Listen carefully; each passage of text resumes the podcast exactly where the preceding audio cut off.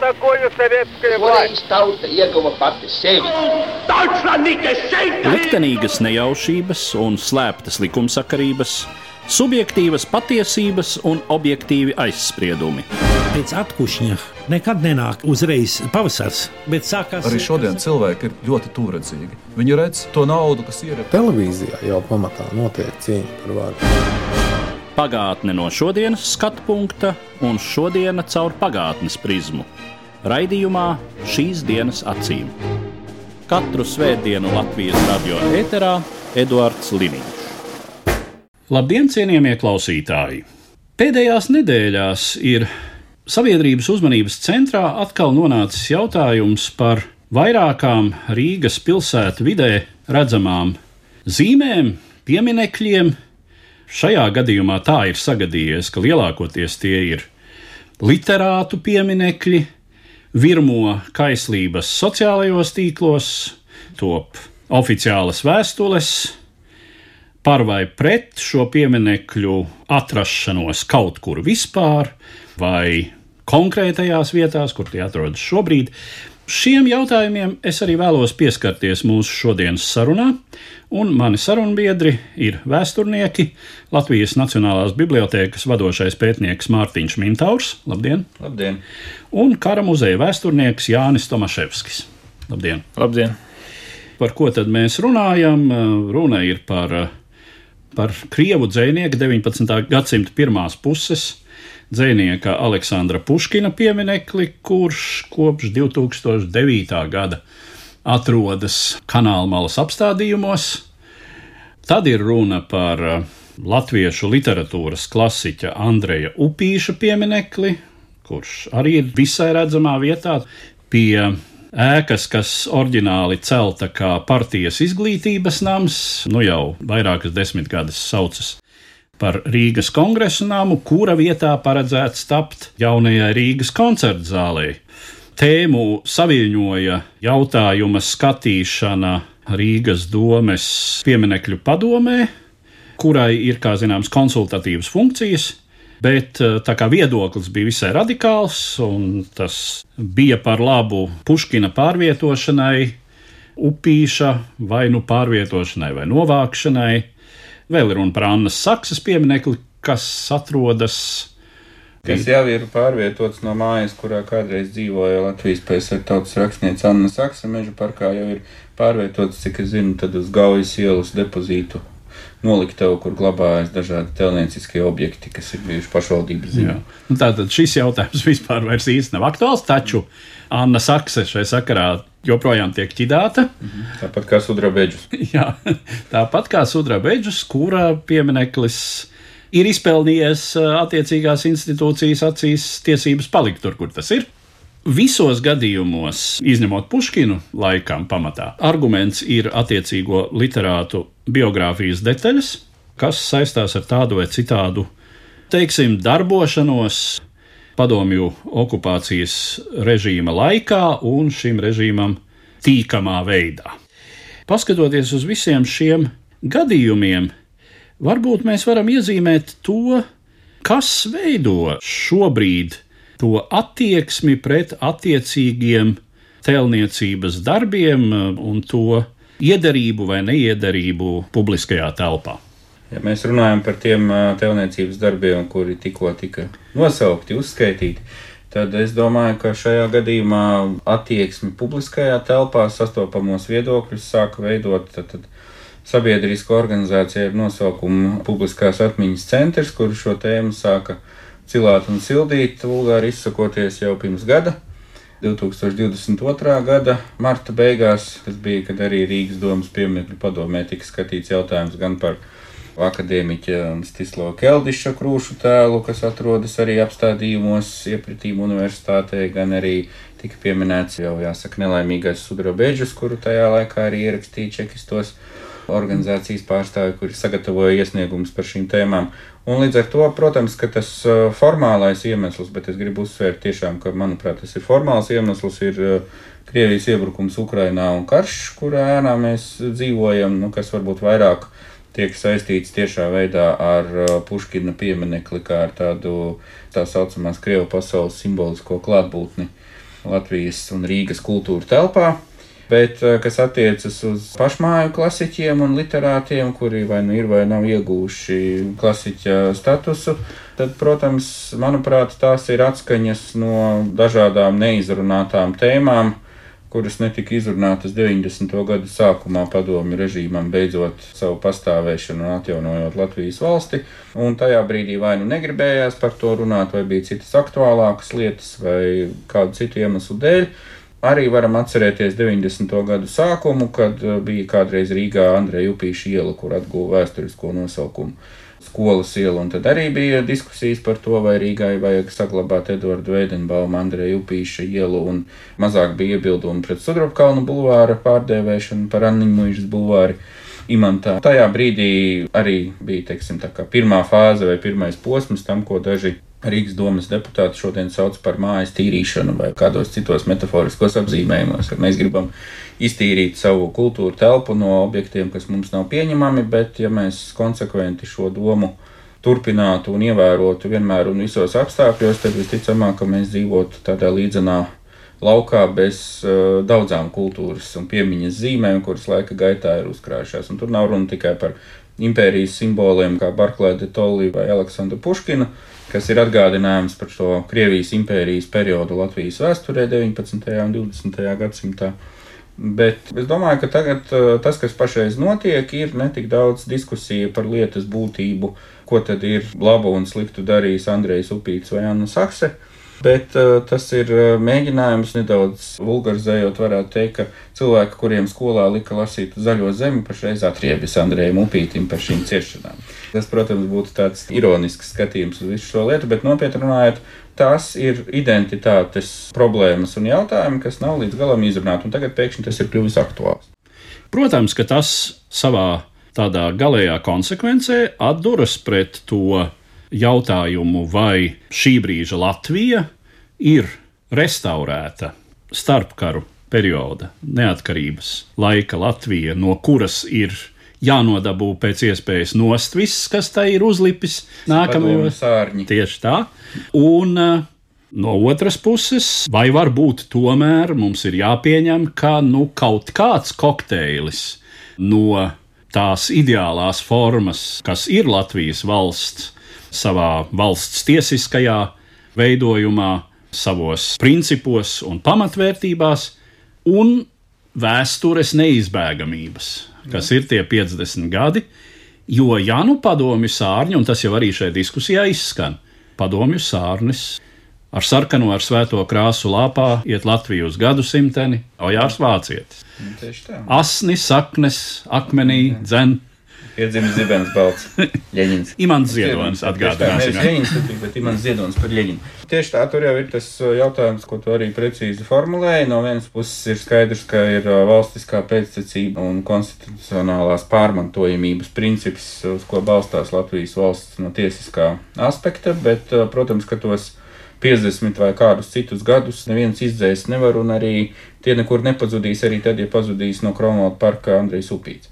Bet tas motīvs, ka acīm redzot, šie pieminekļi mums rāda kaut kādu spoguli, kuru mēs īsti negribam redzēt, vai kas mums šķiet traucējošs, vai kaut kādā mērā atgādina par lietām, kuras mēs negribam atcerēties. Nu, tad var atcerēties savukārt Nikolai vai Mikolas Gogoļa revidenta epigrāfu, ar ko sākas Lūgas, starp citu, Andreja Upīša tulkojumā izdota pēc otrā pasaules kara un savulaik populāras izrādes pamatā jaunajā Rīgas teātrī. Atceramies, kāds bija epigrāfs revidentam. Nevainojiet spoguli, mūsu pašiem šķīps.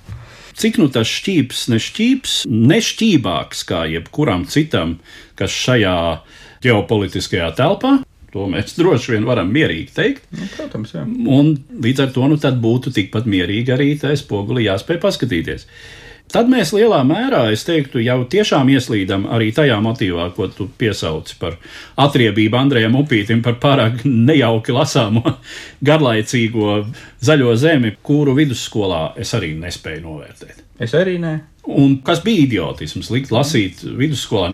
Pēc tam, tad, kad tu to izlasi 20 gadu vecumā, tad tu saproti, ka tas ir viens no izcilākajiem, jebkādu latviešu valodā uzrakstītajiem tekstiem, gan no literārā, gan no valodas kvalitātes viedokļa. Un man, kā latviešu filologam, situācija šķiet komfortabla, kā apmēram puskilometra radiusā tas iznāk, nu, ir pieminekļi trīs izcilākajiem, ko nozīmē izcilība mākslā. Nu, tas ir nosacīti, Jā. bet tādām procesu pareizi simbolizējošām figūrām. Dzēja, kuru primāri personificē Rainis, dramaturgija, kuru primāri personificē Blaumanis, un próza, kuru primāri personificē Andrejs Upīts. Tieši tā. Atgriežoties pie Puškina, kura lielākā nelaime ir piederība Krievu kultūrai un izmantojamība, kā mēs to tagad redzam, arī Krievu impēriskumu ilustrējošiem mērķiem. To nu ir pacentušies, protams, šī brīža Krievijas skatos mākslinieki izvilkt pāris kaut kādus literāri maznozīmīgus Puškina tekstus, bet šie teksti nu pauž tā laika domāšanu, kas bija neizbēgami impēriska 19. gadsimta pirmā puse. Jāsaka tā, ka Puškins rakstīja tur, nu, ko viņš tur raksta par poļu un krievu attiecībām. Krievijas spēlējums, slavenais dzīslis, ir Jā. jāliecieties mierā, nejaucieties tas slavu darīšanās un tā tālāk. Tieši tā, viņš jau pat, es domāju, no mūsdienu viedokļa raugoties, īsti nedomā poļus un krievus kā nācijas mūsdienu izpratnē. Es atceros to brīdi, kad tas pienāks tur parādījās.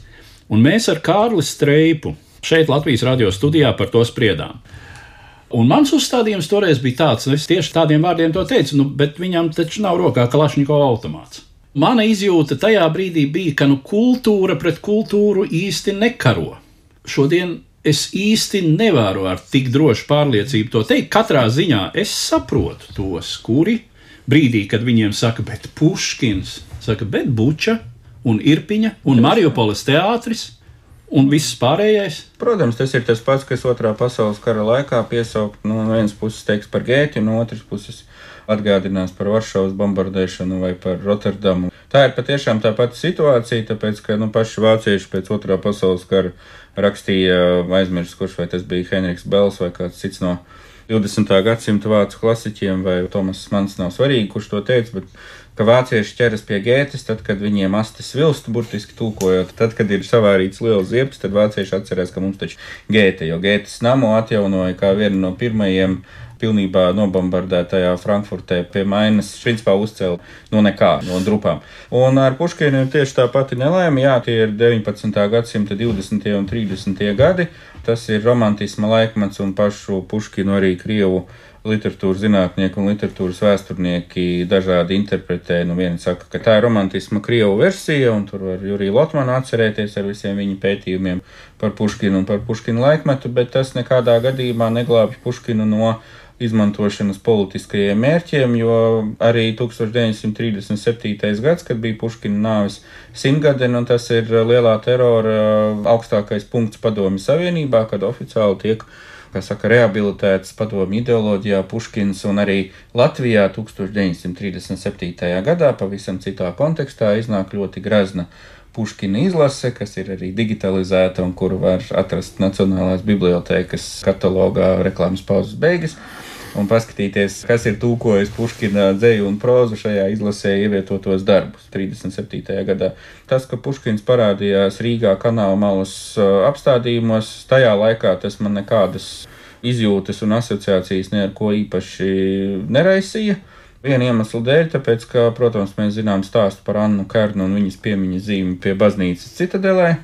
Bet Puškinam ar Rīgu ir, es atvainojos, vēl mazāks sakars nekā Gogolim, jo Gogoļa stāstā deguns vismaz ir pieminēts, ka deguns bēg caur Rīgu uz ārzemēm. Sociālajos tīklos klīst viens Puškina dzējas fragments par kādu studentu, kurš ierodas Rīgā, bruņojies ar lielu bozi, mērts savas ūsas alus kausā, klīst gar jūru, sapņo par uh, Krētheni vai, vai Nu, Rīga kā tāda nosacītā Vācija, Krievu uztverē tajā laikā. Jā, Jā, mūsu Vācija. Un, Mūsu rietumiem. uh, amizantākais ir tas, ka šīs dzējas fragments beidzas ar piesaukšanu, ka viņš aiz gara laika arī dodas, piedodiet, žīdus sist. Nu, tā tad izrēķināties ar Jā. nepareizi ticošajiem cara pavalsniekiem. Izglītības augļi, teiktu Ļaus Tolstojs.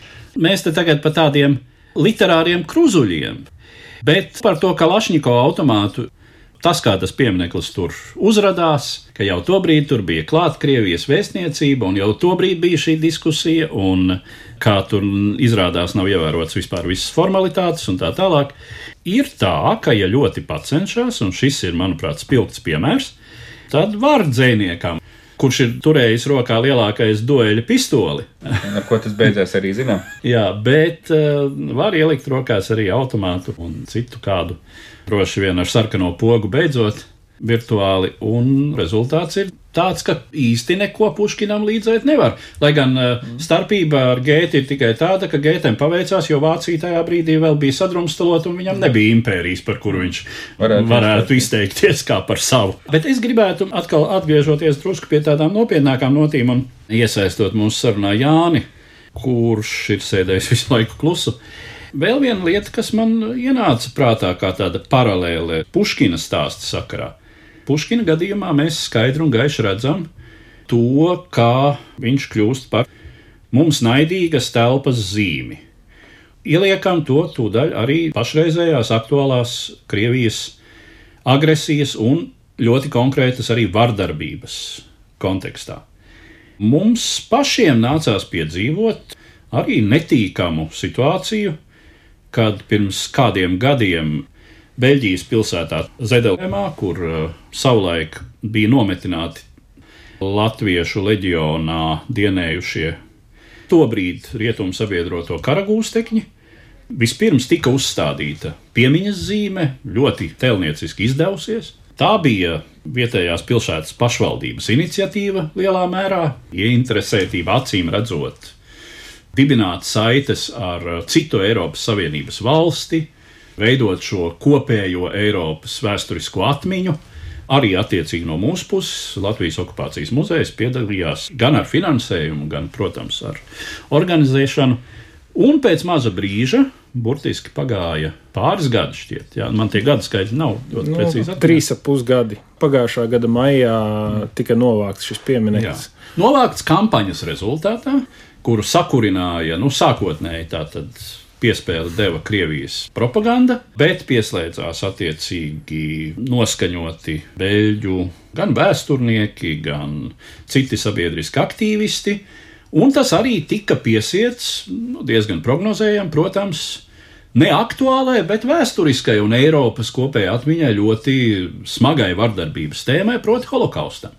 Un to izdevās sasiet kopā. Jānis Tomaševskis šeit lielā mērā arī ir tāpēc, ka tu biji dalībnieks šai sāgai, ja viens no tiem latviešu vēsturniekiem, kas devās arī uz Beļģiju, lai mēģinātu veidot tur sabiedrisko domu un arī, acīm redzot, saprast, kur ir tās pretenzijas un kur ir tā problēma. Jā, man bija iespēja 2021. gadā, kad vēl piemineklis vēl stāvēja. Plāksne, man liekas, toreiz jau bija noņemta. Bija iespēja vienkārši doties pētniecības braucienā, projekta ietvaros, apmeklēt gan pieminiekļa vietu, gan arī Zedlīgas nometnes vietu, kur latviešu karagūstekņi bija novietoti, kā arī piedalīties zinātniskā diskusijā, lekciju ietvaros latviešu pārstāvniecībā Briselē. Bet jā, jau to laiku, un arī pēc tam, kad piemineklis tika novākts, tās sajūtas bija tādas, ka mūs tur nesaprot. Un, teiksim, arī pieminiekļu novākšana, un arī tās diskusijas, kas izvērtās Beļģijas iekšpolitikā, un arī zināmā mērā arī starptautiski, teiksim, šļaksti no šīm diskusijām aizgāja, tad nu, jau tolaik bija skaidrs, ka, lai kā mēs censtos parādīt mūsu stāstu par to, ka mēs esam cietuši no abām okupācijām. Vienalga, teiksim, rietumos konceptu divas okupācijas īsti līdz galam nesaprot, jo viņiem padomju okupācija rietumos nav bijusi, nu, izņemot, protams, Austrumu Vāciju, bet eh, šajās valstīs, kas ir Beļģija, Francija, Lielbritānija un tam līdzīgi, tur to mūsu stāstu īsti līdz galam negrib uztvert. Un, uh, tas pats arī Zedelgemas gadījums pierāda, ka viņiem ir ļoti grūti to mūsu stāstu, mūsu to sāpju saprast. Bet ir tā, ka kritiskais punkts tomēr bija sasaistīšana ar holokausta tēmu. Vai arī pietika ar to, ka nu, Beļģija tika okupēta Otrā pasaules kara mm. laikā, tā bija nacistiskās Vācijas okupācija, un mm. šie karavīri, kaut, protams, pretējā Eiropas malā, bet arī cīnījās tais pašos bruņotajos spēkos, kas bija okupējuši Beļģiju. Kuros cīnījās arī Flāmu leģions. Nu, tas pašs biļķis. Varbūt ka tas ir. Tas ir uh, piedod, Un atkal spogulīšu Atkal spogulīs, tieši tā. Tieši to es arī gribēju teikt. Ja nebūtu šis faktors kaut kur zemapziņā, nu, tad iespējams, ka simtu gadu. Visticamāk, tas bija tāds apakštēma, kas iespējams varbūt neuzspeldēja teiksim, pašā virspusē, bet tas noteikti bija tas, kas, nu, manuprāt, varbūt varēja būt veiksmīgāk komunicēt šajā plāksnē, kas bija teksts, kas gāja piemineklim klāt. Kur bija runa par šo bišu stropu, par šīm bitēm, kas aizstāvās, nevienam neuzbrūk, ja viņām neuzbrūk. Bet nebija šīs lietas, par kurām tomēr varbūt rietumu sabiedrībā būtu jārunā daudz atklātāk nekā šajā aizklātajā valodā par bitēm, kuras nevienam neuzbrūk. To jau latviešu vēsturnieki ir rakstījuši, ka mēs nevaram leģionu saistīt ar holokaustu, bet mēs vienlaikus nevaram noliegt to, ka leģionā atradās personas vēlāk, pēc tam, kad viņas jau bija veikušas šos noziegumus, atradās kara noziedznieki. Nu, jā, atgādinot 44. gada pašās beigās. Jā. Ja, ar īpašu Himlera pavēli visas latviešu vienības tika apvienotas ar nosaukumu Latviešu leģions. Tā skaitā, nu, bēdīgi slavenā ārāja komanda tika ļoti konkrēti iekļauta sastāvā, un tur gan arājas, gan viņa vietnieki komandēja atsevišķas vienības. Leģiona kontekstā ir vēl viena nelaimīga lieta, kuru, kā jau tu pieminēji, nevelti tur arī Krievijas vēstniecība iedeva piespēli. Tas ir arī vecais padomju propagandas stāsts, kas laiku pa laikam tiek aktualizēts, ka, protams, Viena lieta ir ā, ārā komanda, ko ieskaita 44. gada beigās, formāli iekļauj leģionā. Otra lieta ir policijas bataljona, no kuriem veidojas leģions, un policijas bataljonu tāda vai citāda saistība ar tā saucamajām soda akcijām, kuras mēs šobrīd pat nevaram īsti izvērtēt tā iemesla dēļ, ka padomju jurisprudence ar to nodarbojās 45. gadā un 60. gadu sākumā, un tas vēstures avotu mantojums, kas pēc šīm uh, tiesu kampaņām ir palicis pāri, ir arī pietiekami pretrunīgs. Tāpēc arī, ja kāds pameklētu dziļāk, tad atrastu droši vien kādu personu, kura ir sākotnēji bijusi policijas bataljonā un pēc tam aizsūtīti uz Ļeņingradas fronti, toreizējo sektoru, ja, un gala rezultātā viņi ir ieskaitīti tur 15. vai 19. divīzijā. Sekundārs aspekts, bet konkrētajai vietai Zedelgemā, kas saucas Zirgu Nora, laikam, mm. nav īsti sakara ar to lokāciju, kur atradās leģionāra nometne. Piemineklis atradās tajā brīdī, pārdēvēja šo laukumu par brīvība plēni vai brīvības laukumu, bet tas ir tāds privātu māju rajons. Faktiski nometnes vieta atrodas pāris kilometrus ārpus pilsētas. Nepieejamā vietā šobrīd tur ir slēgta teritorija, kādreiz tur būs dabas atpūtas parks. Iespējams, arī ar eh, ekspozīcijām, izstādēm, kur būs skaidrota vietas vēsture, bet iespējams, toreiz jau varēja domāt par to, ka tur varētu būt tam piemineklim īstā vieta. Šādu domu, starp citu, izteica arī Mārtiņš Kaprāns, ar kuru es runāju pirms eh, šī raidījuma. Jāpiebilst, ka Mārtiņš Kaprāns un Dīdzes Bērziņš bija tie divi cilvēki, kas tai izšķirošajā diskusijā mēģināja aizstāvēt, skaidrot Latvijas puses pozīciju. Rezultātā tagad sociālajos tīklos ir eh, zināma personu kategorija, kuras pie katras, katrā ziņā Mārtiņa izpausmes neaizmirst pierakstīt. Tas ir tas, kura dēļ nogāza leģionāru pieminekli Zedelgemā. Viņš un tas bērziņš neprata aizstāvēt liberāsti. Te var droši vien var oponēt. Pazīstot, piemēram, Mārtiņu personīgi, man šķiet, ka viņš darīja visu iespējamo, lai mēģinātu to Latvijas pozīciju aizstāvēt pēc iespējas labāk. Es teiktu, tāds pārdomu vērts gadījums, kad mēs, teiksim, izrādāmies tai pretējā pozīcijā. Nevis tie, kuri tīra māju, bet tie, no kuriem māju Iztīra. iztīra. Diemžēl, jā. Tas secinājums neizbēgami ir tāds, ka šai pieminekļu liktenī ļoti daudz ko nosaka aktualitāte un vispār konteksts, ka teiksim, tas pats teksts, tas pat, Jā. pats konkrētais vēstījums. Jā, tas pilnīgi izdzēšams nav, bet, piemēram, atkal atgriežoties pie tā paša Andreja Upīša, lietas tālāko gaitu noteiks tas, kurš vēstījums būs aktuālāks sabiedrības vairumam, neatkarīgi no objektivitātes. Un literatūra vēsturnieki un biogrāfijas pētnieki, memoriālā muzeja darbinieki varēs sausu muti skaidrot, ka upīša izcilība literatūrā. Upīša nopelnīja latviešu valodas izkopšanā un attīstībā ir tik nozīmīgi, ka nu viņš ir pelnījis. Vai vismaz nav pelnījis, lai gāž nost. Nu, tieši tā, jo Man saprot, patika mana drauga dzinieka Jāņa Elsberga tāds ironisks ierosinājums eh, Facebookā. Ierociet to upīti, ja viņš par daudz jums šķiet tas mēteļa fasons, nu atgādina gan stučku, kas savulaik pilīja pretim. Ierociet viņu zemē drusku, lai viņš tā kā tā lieldienu salas eh, statuja slienas ārā. no zaļās zemes. No zaļ- Burtiskā, burtiskā nozīmē.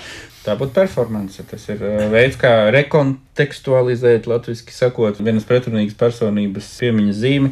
Bet, protams, pie tiem uh, aspektiem, kurus tu nosauc, tātad pieminiekļa atkarība no politikas un no konteksta, vēl ir tāda lieta kā konjunktūra. Un tas, ko mēs redzam, es domāju, upīšu gadījumā, pilnīgi noteikti nu, tā ir konjunktūra, ka viena daļa sabiedrības, lai kādi būtu šo aktīvistu motīvi, nu, viņi izmanto šo brīdi, lai atgādinātu par sevi, lai pazīmētos sociālajos tīklos un publiskajā telpā, lai liekureiz apliecinātu savu valstisko nozīmi. Tāpēc, diemžēl, tā arī ir, ka viedoklis par to, ka upīša nopelni latviešu kultūrā, literatūrā un valodniecībā ir daudz lielāki par viņa grēkiem kolaborācijā ar padomi režīmu, kur arī, protams, bija. Bet ir kaut kādas uh, proporcijas darbības vērtējumā. Var 35. reizi atcerēties Knuta Hansona piemēru, bet upīšu kontekstā tas ir uh, vēl jau vairāk uh, vietā, manuprāt, tāpēc, ka, lai vai kā, nu, Hansona, teiksim, kolaborācijas līmenis ar nacistu režīmu Norvēģijā bija daudz augstāks nekā upīšu kolaborācijas līmenis ar padomju režīmu.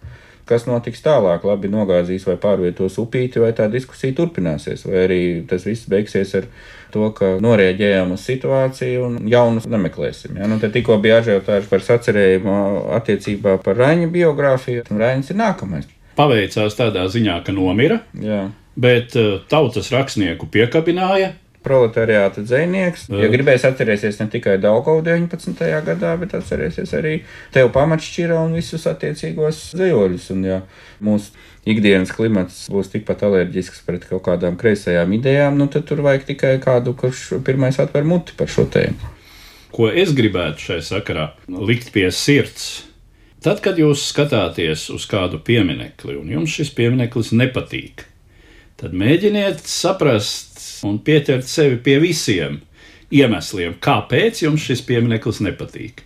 Viens no motīviem, kuru es eh, saskatu gan diskusijās par Raina biogrāfiju, gan arī par upīšu pieminekli, manuprāt, pastāv mūsu sabiedrībā diezgan izteikta anti-intelektuālisma tendence, nepatika pret intelektu, sevišķi jau pret mākslas dažādām izpausmēm, kas ir lielā mērā nu, daļa vispār no anti-elitārisma, kas mūsdienās un atkal jau sociālo tīklu ļoti uzpumpēts, ir aktuāls. Un droši vien var meklēt vēl citus motīvus. No otras puses, kā jau teicu, es eh, saprotu arī tos, kuri šobrīd Puškinam rokā redz Redz, limonku.